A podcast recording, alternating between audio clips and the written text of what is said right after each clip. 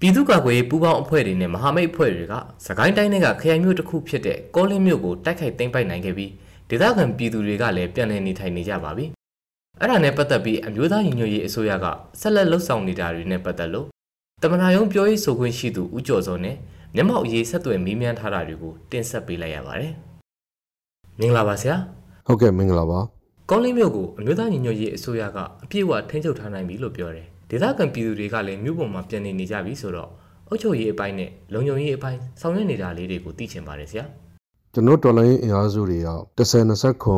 စစ်စင်ရေးစတဲ့ချိန်အားစပြီးတော့ရှမ်းပြည်နယ်မြောက်ပိုင်းစတင်ပြီးတော့မြန်မာနိုင်ငံအနှံ့ပြမှာအကြမ်းဖက်စစ်ကောင်စီရဲ့တပ်စခန်းတွေမြောက်အများတိုက်ခိုက်သိမ်းပိုက်နိုင်နိုင်နေတယ်။ယာနဲ့ကြည်ပြီးတိုက်ခိုက်သိမ်းပိုက်နိုင်ပြီးပြီ။ နောက်ပြီးတော့မြို့တွေလည်းမြို့သိမ်းတိုက်ပွဲတွေဆင်နွှဲပြီးတော့မြို့အမြောက်အများကိုလည်းသိမ်းပိုက်နိုင်တယ်။ကျွန်တော်တို့စကိုင်းတိုင်းမှာရှိတဲ့ကောလင်းခရိုင်ကောလင်းမြို့ကိုပြီးခဲ့တဲ့တပတ်ကျော်ကျော်ကလွတ်မြောက်နိုင်ခဲ့ပြီပြီးတော့အခုတပတ်ကျော်ကျော်ကာလအတွင်းမှာကျွန်တော်တို့ရဲ့အုပ်ချုပ်ရေးကဏ္ဍတွေကိုစနစ်တကျစတင်စီမံဆောင်ရွက်နေပြီဆိုတာပြောကြားချင်ပါတယ် ကောလင်းမြို့မှာဆိုရင်တရားစမီပြန်ရအောင်လုပ်တာအစစနစ်တကျနဲ့လူတွေရဲ့နေစဉ်တူဝလုပ်ငန်းတွေလှည့်ပတ်နိုင်အောင်အစိုးရတရက်အနေနဲ့ဆောင်ရွက်ပေးနေတယ် နောက်ပြီးတော့စစ်ဆောင်ဒုက္ခသည်တွေနေရပြန်လာနိုင်ဖို့အတွက်လည်းဖက်ဖက်ကအတက်နိုင်ဆုံးကူညီဆောင်ရွက်ပေးနေတယ်ဒီတစ်ပတ်ကျော်နှစ်ပတ်တောင်မရှိသေးတဲ့ကာလအတွင်းမှာကိုကောလင်းမျိုးကအသက်ပြန်ဝင်ပြီးတော့စီစီကားကားနဲ့ပုံမှန်မြို့သူမြို့သားတွေစတင်ပြီးတော့လှုပ်ရှားနေကြတယ်ဆိုတာဓာတ်ပုံတွေနဲ့တကွ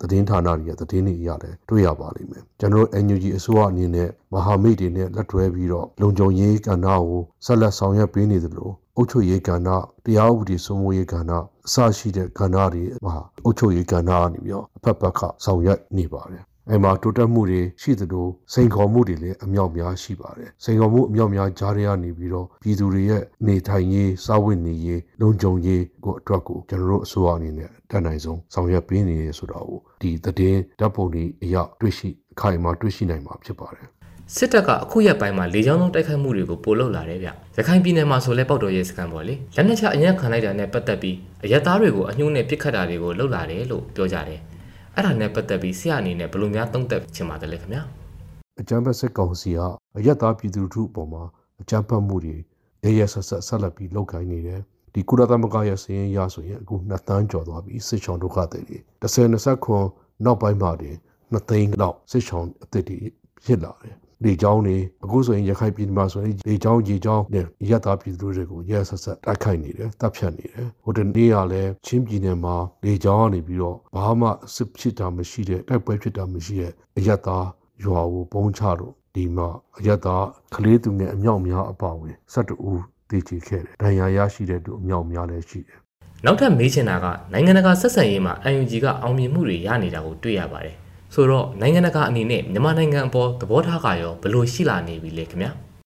နိုင်ငံတကာဟို NUG အစိုးရအနေနဲ့ကနေပြီးတော့တောင်းဆိုထားတာအရေးပေါ်လိုအပ်တဲ့ လူသားချင်းစာနာမှုအထောက်အကူတွေအုပ်ချုပ်ရေးအတွက်လိုအပ်တဲ့အထောက်အကူတွေကျန်းမာရေးပညာရေးအတွက်အထောက်အကူတွေအတွက်ကိုအရေးပေါ်အစီအစဉ်နဲ့ကူညီပေးဖို့အတွက်ကျွန်တော်တို့ရဲ့ NUG အစိုးရတိုင်းသားအနက်ကိုင်းမဟာမိတ်တွေနဲ့ပူးတွဲပြီးတော့ညှိနှိုင်းပြီးတော့ဆောင်ရွက်ဖို့အတွက်ဆိုတော့ကျွန်တော်တို့ဒီဇိုင်းမတောင်းဆိုခဲ့သလိုအခုဒီအချိန်မှာအရေးပေါ်အခြေအနေတစ်ခုအနေနဲ့ဒီအရေးပေါ်ကဏ္ဍအနေနဲ့အကူအညီတွေ humanitarian assistant တွေတိုးချက်ပြီးပေးဖို့တောင်းဆိုနေတယ်။ဒီချိန်ထဲမှာလည်းပြည်သူလူထုတွေအားလုံးကညီညီညွတ်ညွတ်နဲ့တိုက်ခတ်ပြီးတော့စစ်အာဏာရှင်စနစ်မြမမျိုးပေါ်ကအမြင့်ပြုတ်ဖို့အတွက်ဒီဒေါ်လာတိုက်ပွဲဆင်နွှဲနေတဲ့ဟာမကြခင်အောင်မြင်တော့မယ်ဆိုတဲ့လက္ခဏာတွေထင်ထင်ရှားရှားပေါ်နေပြီဖြစ်တယ်။ဒါကြောင့်ဒီစစ်အာဏာရှင်စနစ်ကျဆုံးပြီးတဲ့နောက်ပိုင်းအဲ့ဒီအချိန်မှာမြန်မာနိုင်ငံတော်အသစ်ကြီးကို ပြန်လည်ထူထောင်ဖို့အတွက်လိုအပ်တဲ့ပြင်ဆင်ချက်တွေကိုအခုတည်းကနေနိုင်ငံတကာကလည်းစတင်ပြီးတော့ပြင်ဆင်ထားဖို့ကျွန်တော်မြန်မာနိုင်ငံတော်အပေါ်ငြိမ်းချမ်းသာယာဝပြောတဲ့ Federal နိုင်ငံတော်အသစ်ကြီးတည်ဆောက်ဖို့အတွက်ကိုနိုင်ငံတကာအကူအညီပေးဖို့ဆိုတာတွေကျွန်တော်တွေတောင်းဆိုနေတယ်ဆိုတာပြောကြားချင်ပါတယ်စီရေးအရာရောနိုင်ငံရေးဘက်မှာပါအထိနာနေတဲ့စစ်တပ်ကအယသားပြည်သူတွေအပေါ်ရှုံးမဲမဲလာနိုင်တယ်လို့လေးလာသုံးသပ်ပြောဆိုမှုတွေရှိနေကြပါတယ်ဒါကိုဆရာအနေနဲ့ဗာများပြောချင်ပါတယ်ခင်ဗျာတိုင်းသားပြည်သူလူထုတရက်လုံးနေနဲ့ဂျမ်ဘတ်စစ်ကောင်စီကအကြမ်းဖက်မှုကိုပုံမပြီးလှုပ်လာမယ်ဆိုတာကိုကြိုတင်တွက်ဆထားနိုင်တဲ့အတွက်ကြောင့်ကျွန်တော်တို့တွေတိုင်းသားပြည်သူလူထုတရက်လုံးအနေနဲ့တော်လှန်တတိရှိရှိနဲ့သူတို့ရဲ့အန်ဒီရဲကိုထောင်နိုင်ဖို့ကြိုတင်ကာကွယ်နိုင်ဖို့အတွက်အသည့်ရှိဖို့အတွက်လိုအပ်တယ်ကျွန်တော်တို့ရဲ့အစိုးရရဲ့ page ဝန်ကြီးဌာနတွေရဲ့ page မှာလည်းဘယ်လိုလို့အန်ဒီရဲကနေပြီးတော့ရှောင်လွှဲပြီးနေရမယ်ဆိုတဲ့လမ်းညွှန်ချက်အကြံပြုချက်တွေလည်းပေးထားတာရှိပါတယ်အဲ့ဒါကိုတည်တည်ရှာရှာနိုင်တာချင်းအပြင်ကိုနဲ့ကိုမိသားစုအတွက်လုံခြုံရေးကိုကြိုတင်ပြင်ဆင်ကာကွယ်နိုင်မယ်ဆိုတာပြောကြားချင်ပါတယ် အခုလိုဖြေပေးတာကိုကျေးဇူးတင်ပါတယ်ဆရာ